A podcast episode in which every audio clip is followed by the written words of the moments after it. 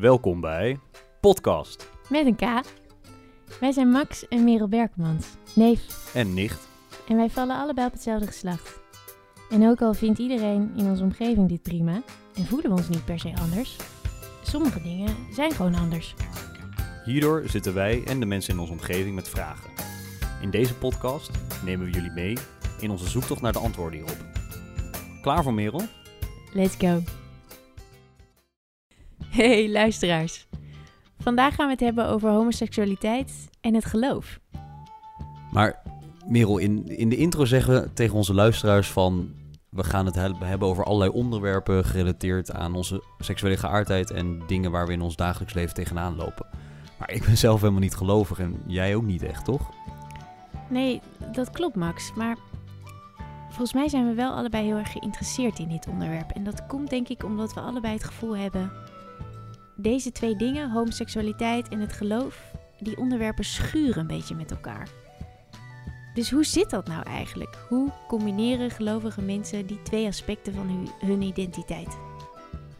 Ja, en omdat wij hier zelf nagenoeg niks van af weten, hebben we weer gesproken met wat mensen. We hebben gesproken met drie mensen die ieder gelovig en homoseksueel zijn. Of, we hebben een nieuw woordje geleerd, queer. Die drie mensen, en ieder op een eigen manier, zetten zich in voor meer verbinding en acceptatie in Nederland ten aanzien van homoseksualiteit en het geloof. En zij stellen zich even aan jullie voor. Nou, hoi, ik ben Tim. ik ben 26 jaar en ik woon in Utrecht. Samen met mijn vriend woon ik daar. En eh, ik ben uitgenodigd voor deze podcast omdat, ik een, eh, omdat we het willen hebben over mijn christelijke achtergrond en het Prinsensprookje, een voorstelling die ik heb gemaakt. Mijn naam is Willy Elhorst, ik ben 52, ik woon in Amsterdam. Ik ben predikant in de Oranjekerk in Amsterdam en eh, zet me als predikant ook in in de LHBTI-gemeenschap van Amsterdam, Nederland en ook een beetje in Europa. Ik ben Dino Sohanic, ik ben directeur van stichting Maruf. Ik ben zelf Bosnisch, queer en moslim.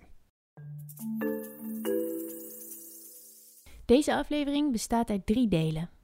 In de eerste twee delen reflecteren we op onze gesprekken met Willy, Tim en Dino over hoe zij zelf hun geloof en hun homoseksualiteit met elkaar verbinden en hoe mensen in hun omgeving hierop reageren. En in deel 3 van deze aflevering gaan we in op hoe zij zich inzetten voor meer verbinding en acceptatie van homoseksualiteit. Zowel in Nederland als in hun gemeenschappen. Maar nu eerst het geloof en homoseksualiteit. Hoe zit dat nou eigenlijk? Waarom lijkt het alsof dat niet met elkaar samen kan? Nou, het, he- het heeft verschillende oorzaken en natuurlijk in het protestantse geloof, zeg maar, is de Bijbel een belangrijke eh, eh, reden daarvoor. Dat wil zeggen, de wijze waarop mensen met teksten in de Bijbel die hierover zouden gaan omgaan. Dus de, eh, er zijn zes zogenaamde struikelteksten. Die gaan over eh, seks tussen mannen en eh, vooral over seks tussen mannen trouwens. Nauwelijks over seks tussen vrouwen. Waar, waar duidelijk wordt gezegd dat dat niet mag. Hè? Dus in het Oude Testament staat de doodstraf erop en in het Nieuwe Testament is met name Paulus, Jezus zegt er niks over, maar met name Paulus daar ook niet heel erg positief over. Ehm, die teksten en, en, en ook eh, de, zeg maar de, patriarchale cultuur, hè, de, eh, eh, waar, waar onze cultuur uit voorkomt. En simpelweg het gebruikelijke denken over mannen en vrouwen, wat zij zouden moeten zijn. Dus ook de culturele op, ontwikkelingen en opvattingen. die spelen natuurlijk ook onder gelovige mensen een rol. Hè? Dus alleen bij gelovige mensen is er een, een, een extra normativiteit in die Bijbel en in wat de traditie altijd heeft gezegd. En dus het is ook niet vreemd en ook niet per se verkeerd dat mensen daarnaar wijzen eh, als ze worden geconfronteerd met iets waarvan ze dachten dat het lange tijd niet in overeenstemming was met hun geloof. Hè? Dus, eh, en, en dat is natuurlijk de, de, eh, eh, de afgelopen twintig eeuwen, eh, eh, nou, zullen we zeggen, 19,5 eeuw zo geweest. Hè? Dus, dat, dat, ja, dus dat maakt dat eh, eh, sommige gelovigen eh, terughoudend zijn in het accepteren van eh, homoseksuele, lesbiennes, transgender personen enzovoorts binnen de kerk. En, eh, en hen ook, en daarin ook grenzen eh, aangeven. Ja, en kijk, wat er in de Bijbel staat, de opvattingen over man en vrouw, die soms ook buiten Bijbels zijn hoor, die soms weinig te maken hebben met wat de Bijbel eigenlijk zegt, maar die hebben een invloed gehad in de theologie en in hoe de kerk is ingericht, wat mannen en vrouwen daarvoor een rol hebben, eh, nou ja, enzovoorts. Ja, dat, uh, en ja dat, ja, dat zien we natuurlijk ook terug in andere instituties binnen de maatschappij, uh, die in de loop van de tijd ook veranderd zijn. Kerk is daar ook mee bezig, maar komt daar in, niet in alle kerken en ook niet in mijn kerk even snel in mee, zullen we maar zeggen. Ik weet niet of dit voldoende antwoord is, maar... ja, nou, het, het geeft zeker inzicht. Um, vooral omdat het me doet afvragen, vind je dat zelf dan niet moeilijk om die, om die teksten te lezen? Want het is het woord van God. Hmm. Um, hoe, hoe, ervaar je dat? Nou ja, toen ik daar zelf uh, achter kwam, zeg maar, dat wat ik nu vind problematische houding ook daarmee te maken had, ben ik op zoek gegaan naar wat, wat zeggen uh, gelovige theologen daarover. Hè? Want, want ik wist als jongen van 15 al wel dat dat, dat, dat de, de Bijbel altijd komt met interpretatie. Hè? Dus de, en dat de Bijbel altijd neerstrijkt in uh, een bepaalde tijd. Hè? Dus um, natuurlijk is het lastig dat het er zo letterlijk staat. Maar ik, ik dacht, ik vond van meet al af al van uh, oké. Okay, uh, uh, er staan wel meer uh, dingen in de Bijbel waarvan we nu weten dat die zo makkelijk niet te hanteren zijn in onze tijd. Hè? Dus, en ik wist, ik wist al van verschillende interpretaties enzovoort. Dus ik ben op zoek gegaan naar wat zeggen verschillende theologen daarover en, en heb antwoorden gevonden. Hè? Dus antwoorden in hoe je moet waarderen wat, er in, wat daar staat, in welke tijd het tot, tot, stand is gekomen, hoe je met de Bijbel om kunt gaan. En, nou, en vooral wat ik nu erg belangrijk vind, is dat je altijd uit moet gaan van een gesprek tussen de bron en de mensen die met die bron willen leven. Hè? Dus, en wat, wat ik erg leuk vind, of, of, aardig, is dat die discussie al in de Bijbel op gang is gekomen. Hè? Dus in, het Nieuwe Testament uh, als um, uh, Jezus er eenmaal niet meer is en de apostelen het werk overnemen, ontstaan er discussies over wat is een christen nu eigenlijk. En de uitkomst is dat het niet uitmaakt. Wat er, het enige wat er wordt meegegeven is, zeg nou, kijk, kijk nou uit dat je elkaar in je waarde laat en dat je elkaar dat je niet te veel aanstoot bezorgt, zomaar zeggen. Hè? Dus dat, maar er worden geen uiteindelijke uitspraken gedaan over dit mag wel en dat mag niet. En, en en dat is wezenlijk, vind ik, voor wat gelovig zijn is, is dat je in elke nieuwe tijd probeert te ontdekken, oké, wat betekent nou wat van waarde is doorgegeven de generaties door voor mensen van deze tijd? En dat, dat betekent dat je tot andere conclusies komt uh, over, uh, over dingen die schijnbaar zo duidelijk uh, in de Bijbel staan. Met Tim hebben we het ook gehad over wat er nou wel en niet in de Bijbel staat. Maar Tim liet zich daar niet zo door leiden. Heb jij daar bijvoorbeeld ook een eigen persoonlijke interpretatie van, van hoe het in de Bijbel staat en of het dan dus voor jou wel of niet mag eigenlijk? Ja, daar kan ik ook, kunnen we ook een hele podcast over vol lullen. Of lullen. daar is natuurlijk bergen onderzoek zijn hierna gedaan. Maar moet zeggen, ik ben er niet de expert in. Maar ik denk dat er zo'n vijf Bijbelteksten zijn in dat hele dikke boek. die je mogelijk zou kunnen linken aan homoseksualiteit.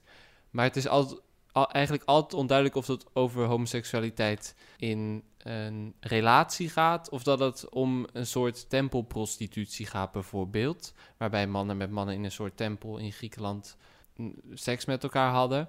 Maar goed, ja, je kan die teksten op allemaal verschillende manieren interpreteren. En je kan er heel veel over zeggen, voor wel, voor niet. Maar uiteindelijk dacht ik gewoon, en sommige mensen zullen dat afkeuren, maar goed, als ik in een God geloof, dan kan ik me niet voorstellen dat dat, dat, dat een God is die mijn liefde niet zou, goed, zou goedkeuren. Want ik geloof in een God van liefde. Dus hoe, hoe zou het in, in hemelsnaam, in godsnaam kunnen dat, dat dit dan zou moeten worden afgekeurd? En ja, eigenlijk was dat argument voor mij al zo sterk dat ik me daar, daarna ook niet meer super erg heb verdiept in dan die detail Ehm, discussies over die teksten. Mhm. We vroegen Dino hoe dat zat met de islam en homoseksualiteit. En toen leerde hij ons gelijk een belangrijke les. Met onze vraag veronderstellen we eigenlijk alsof er maar één antwoord is. Maar Dino legde ons uit: dat is helemaal niet het geval. Eigenlijk impliceer je dat het dus nog steeds door vele moslims wel als problematisch ervaren wordt dat je moslim en queer bent. Klopt dat? Of hoe zie jij dat? Dat is een deel van het verhaal. Ehm, alleen dus juist dit soort beelden, met alle respect hè, voor, voor, voor jouw vraag en waar het ook vandaan komt. Ik denk dat wij ook gewoon niet weten, ondanks dat er allerlei onderzoeken gedaan zijn, weten we eigenlijk niet hoe die moslims of hoe die moslimgemeenschap hierover denkt. We hebben hele vage signalen van de jongeren die bijvoorbeeld op straat iemand aanvallen. En dan als het Marokkaanse jongeren zijn, zeggen wij heel vaak heel snel, zonder enige nuances, zonder enige uitleg, oh, het zijn dus Marokkanen, dus ze zijn allemaal zo. En dat hoort een beetje bij uh, de, um, de moeilijkheidsgraad van die hele discussie. Is dat je heel vaak, en ik weet dat er nu bij heel veel luisteraars ook uh, het gevoel gaat komen van. Oh, maar het is toch waar? De, de, de, die, die jochies doen het toch ook wel? Dat doen ook andere jochies ook. Alleen bij iemand anders denken we heel vaak, oh, moeilijk verleden, op school gepest, of oh, het is een beetje macho gedrag, et cetera. En bij Marokkaanse of moslimjongeren denken we, oh, tuurlijk, ze zijn gewoon moslim. Dat verklaart alles. Snap je, we, we, Hmm. we doen niet ons best om ten eerste erachter te komen van, hé, hey, maar wat is die moslimgemeenschap? De moslimgemeenschap bestaat niet. Dat is een van de grote, grootste mythes in, in Nederland. Um, ik praat bijvoorbeeld over moslimgemeenschappen. Er zijn verschillende moslimgemeenschappen. Zoals je niet kan zeggen de christelijke gemeenschap in Nederland. Het zegt helemaal niks. Maar omdat moslimgemeenschappen bij elkaar nog steeds 1,2 miljoen mensen zijn, denk ik. 1 of 1,2 miljoen. Uh, dus minderheid. Denken we, oh, ze zijn allemaal hetzelfde. Ze zijn niet allemaal hetzelfde. Ze hebben verschillende achtergronden, opleidingsniveaus. Het is zo complex dat we eigenlijk niet kunnen zeggen van, nou, wat zit er nou? En als, stel maar voor dat we echt een grootschalig onderzoek zouden doen, wat denken alle moslims, zelfs als, als je daar um, sporen van homofobie zou treffen, is hun moslim zijn genoeg um, voor, om, voor ons om te begrijpen waarom ze homofoob zijn. Als, als het het geval is. Ja, alsof dat een verklaring is. Maar precies. is dat nou precies? En daar vecht ik ook een beetje tegen. Daarom reageer ik ook wat mm, ja, meer gepassioneerd. Omdat ik denk van... Ik heb allerlei redenen gehoord waarom... Als ik met, met medemoslims praat... En nu, nu beschouw ik mezelf als echt van... We zijn allemaal één gemeenschap. Dus dat klinkt een beetje paradoxaal. Maar ik denk dat, dat jullie en de luisteraars dat kunnen begrijpen. Als ik met iemand praat die zichzelf ook moslim noemt... En we praten over dit onderwerp dan hoor ik toch wel andere dingen dan alleen maar het geloof of cultuur. Dan zijn er ook, want ik kan natuurlijk ook argumenten inbrengen als, maar waar staat het? Of ho hoezo is jouw interpretatie daar leidend in? Uh, besef je wel dat er ook andere mogelijkheden zijn, dat er ook ruimte is hiervoor. En dan hoor je ook andere argumenten. Argumenten zoals we ook kennen uit christelijke, joodse, maar ook niet-religieuze mensen die bijvoorbeeld heel erg waarde hechten aan wat vrouwelijkheid en wat mannelijkheid is. Um, wat een echte gezin, wat een echt gezin is. Uh, angsten over um, de komende generatie van uh, de, de, de, beelden over uh, als wij allemaal homoseksueel zijn, dan komen er geen kinderen. Ik bedoel, dat zijn allemaal natuurlijk, ja, je zou het kunnen beschouwen als waanbeelden, maar daar heb je wel mee te maken. Maar op het moment dat je zelf niet moslim bent en daarnaar gaat kijken, dan, dan moeten we ook heel voorzichtig zijn met, oh, het komt uit die hoek, dus bla. Maar tegelijkertijd wil ik ook niet ontkennen dat er problemen zijn. Dat is wel wat ik, wat ik wel wil uitdragen en dat, wat, ik, wat ik ook in mijn werk doe. Ik ontken de problemen niet. Wat ik wel zeg, we moeten verder kijken dan iemands achtergrond, um, vermeende religieuze of culturele uh, identiteit.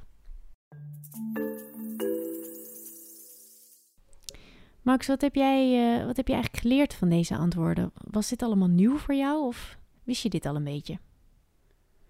Nou ja, ik vond het dus stiekem eigenlijk best wel een confrontatie met mezelf. En dat ik echt doorhad dat ik op een super simplistische manier nadacht. En ook eigenlijk die interviews inging. Ik had best wel sterk het idee van. Wij hebben een lijstje vragen opgesteld. En ik, ik, had, ja, ik, ik had best wel sterk dat beeld in mijn hoofd van. De islam en homoseksualiteit, dat kan niet samengaan. Dat was al een soort van gegeven voor mij. Dus eigenlijk ga ik al heel bevooroordeeld in. Maar ik wilde denk ik stiekem gewoon even horen van een expert van waarom dat dan zo was. En ik hoopte denk ik gewoon op een heel makkelijk en simpel antwoord. En stiekem zelfs ook wel een beetje dat ik dan het christendom en eh, de islam met elkaar kon vergelijken. En ik kwam er gewoon erg achter dat hoe scherp Dino is, dat, ja, dat het compleet niet kan en, en super simplistisch ook is van eh, ja, dat je denkt dat de realiteit heel makkelijk in elkaar zit en je wil alles lekker in hokjes stoppen en alles lekker kaderen.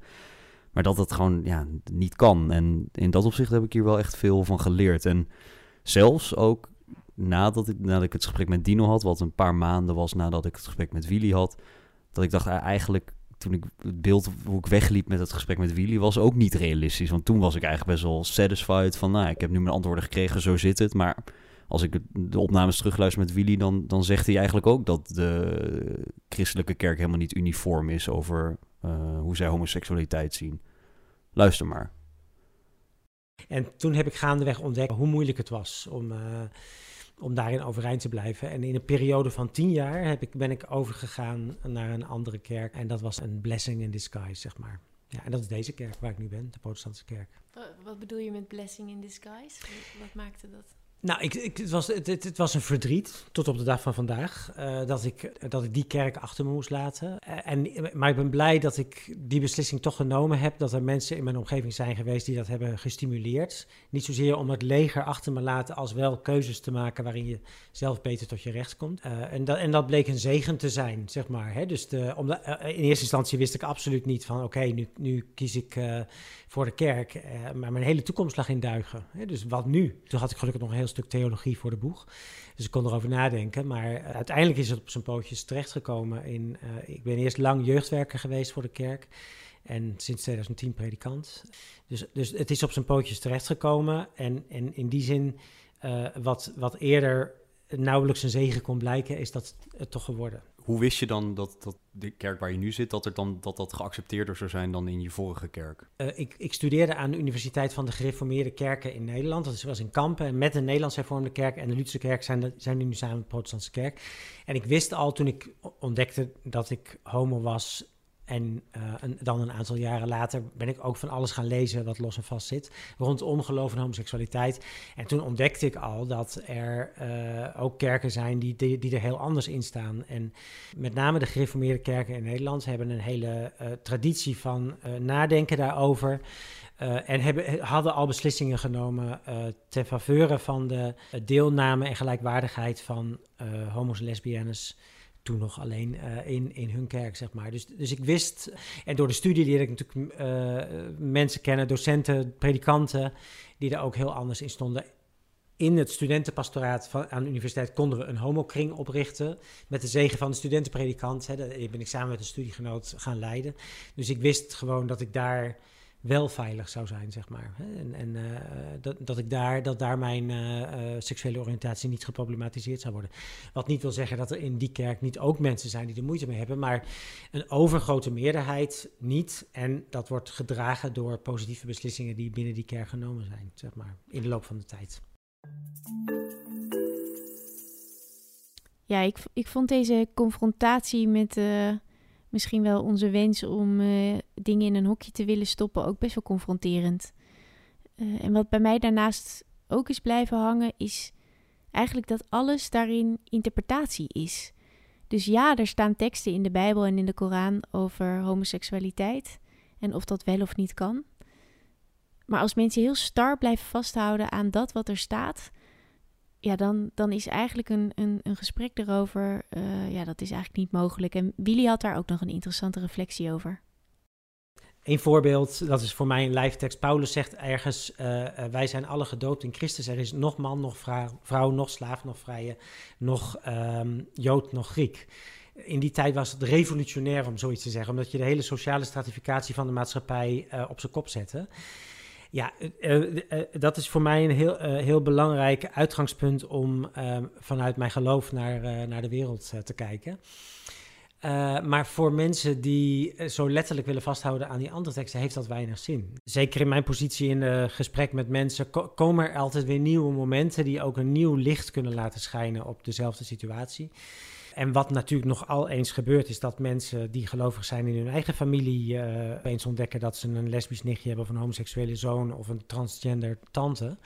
Dan wordt het een ander verhaal. Hè? Dus, uh, en, en dan merk ik dat mensen, zelfs, zelfs de meest traditionele christenen in ons land, ruimte vinden om met elkaar te blijven omgaan, al blijven ze anders denken. dat, uh, en dat vind, ik, dat vind ik al heel wat. dus, uh, en gelukkig merk ik ook dat het leven mensen dan, ik wou zeggen corrigeert, maar dat vind ik geen mooi woord, maar mensen. Um, nou ja, helpt om anders aan te kijken naar wat ze altijd hebben meegekregen. Ik zeg altijd, als je gelooft, dan moet je de sporen van God in het leven willen ontdekken. En, en, dat, en, en dus ook in de, de messiness van het leven, dus de, de rommeligheid van het leven. En, want God hangt daar niet als een ideaal boven. God zit in die rommeligheid, zeg maar. En ook al wil je dan dus open en goed dat gesprek aangaan, uh, om, om daarin verbinding te maken met elkaar. Ja, ja, toch is dat soms makkelijker gezegd dan gedaan. Tenminste, Max en ik merkten in ons gesprek met Dino dat we daar best wel mee worstelden. Van welke vragen stel je dan en, en hoe kies je dan de woorden dat je, dat je de ander niet voor het hoofd stoot daarmee? Dus we vroegen Dino wat hij er eigenlijk van vond. Voordat we, jij kwam, Dino, toen uh, waren Max en ik even aan het kletsen. En toen merkte ik van, oh ja, ik ben, ik ben me al een beetje aan het voorbereiden op dat ik, dat ik wel hoop dat ik straks de goede dingen zeg tegen mm. jou. Omdat we zo, zo'n ander perspectief hebben. En ik, ik was heel bang dat ik misschien verkeerde woorden zou gebruiken. Of misschien je tegen het zere been zou schoppen met een uh, lompe vraag. Of... Ja, dus ik merk dat ook voor ons, ook al voel ik een verbinding met je, omdat ik weet dat we een deel van onze identiteit in ieder geval als overeenkomstig zien. Dat, dat het toch moeilijk is, dit gesprek. Het is toch moeilijk om het goed te voeren.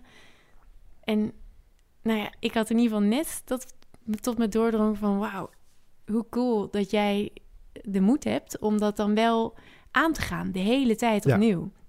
Ja, heel mooi dat je dat, dat, je dat zegt en, en dat, je, dat jullie daar eerlijk ook over zijn. Ik voel het ook uh, steeds vaker dat mensen gaan opletten wat ze zeggen, hoe ze het zeggen. En ik heb daar niet per se een bepaalde mening over, want ik kan heel goed voor mezelf opkomen. Als ik een vraag krijg die me niet bevalt, kan ik hem ook op een bepaalde manier beantwoorden. Wat interessant is aan die gedachte, zeg maar, dat van hé, hey, wat kan ik zeggen, hoe kan ik het zeggen, klinkt het beledigend over of discriminerend zelfs. Ik denk dat het goede vragen zijn voor um, eerder om na te denken van waar kom ik vandaan. Um, wij delen natuurlijk, er is een deel van onze identiteit die overlapt. We kunnen elkaar daarin best wel begrijpen. Maar een deel daarvan, we hebben, en dat hebben jullie ook vanavond een paar keer genoemd, we hebben ook andere posities waar we vandaan vertrekken. De omgang die je gekend hebt, in je eigen omgeving, uh, dat is allemaal anders. Hè? De, de, wat je ook noemde, geprivilegeerde positie, um, positie van gelukkig ergens anders staan dan een deel van onze gemeenschap wel uh, staat. Ik denk dat die, dit soort gesprekken ons ook helpen om dichter bij elkaar te komen. In de zin van, ook al is er een ongemak, ook al worden we een beetje rood in het gezicht van stel ik nu een goede vraag? Heb ik nu iets stoms gezegd? Heb ik je beledigd? Etcetera. Ik denk dat dat ongemak ook heel fijn is. Er is, je kan een verkeerde, ja, niet verkeerde, maar je kan een vraag stellen die mij niet goed bevalt. Of je kan iets zeggen wat mij niet goed bevalt. Ik kan ook iets daarover zeggen zonder dat wij verder uit elkaar groeien. Want mijn vraag naar jou toe, of mijn aanname dat jij fantastisch leven hebt gehad. Omdat jullie twee witte Nederlandse mensen zijn. Ik ken jullie geschiedenis niet. Dus als ik iets zeg van wat super generaliserend is, moet daar ook gewoon iets op terugkomen van, maar we kunnen dit soort gesprekken niet voeren met elkaar, want dit, is, dit, doet tekort aan mijn geschiedenis en wie ik ben en waar ik vandaan kom. En als er ook een gespanning komt, ik vind dat ik vind dat, ik vind dat helemaal niet erg. Ik heb ergens ook gehoord van, wat, wat is het, van wrijving komt er glans, of waar wrijving is, komt er ook glans. Nou, dat, dat vind ik echt een hele mooie uitspraak. Nou, die glans die was er zeker. Dit was het eerste deel van de aflevering over homoseksualiteit en het geloof. En wil je hier nou meer over horen? Luister dan vooral volgende week verder. Uh, wij konden het namelijk niet in één aflevering proppen. Yo! You.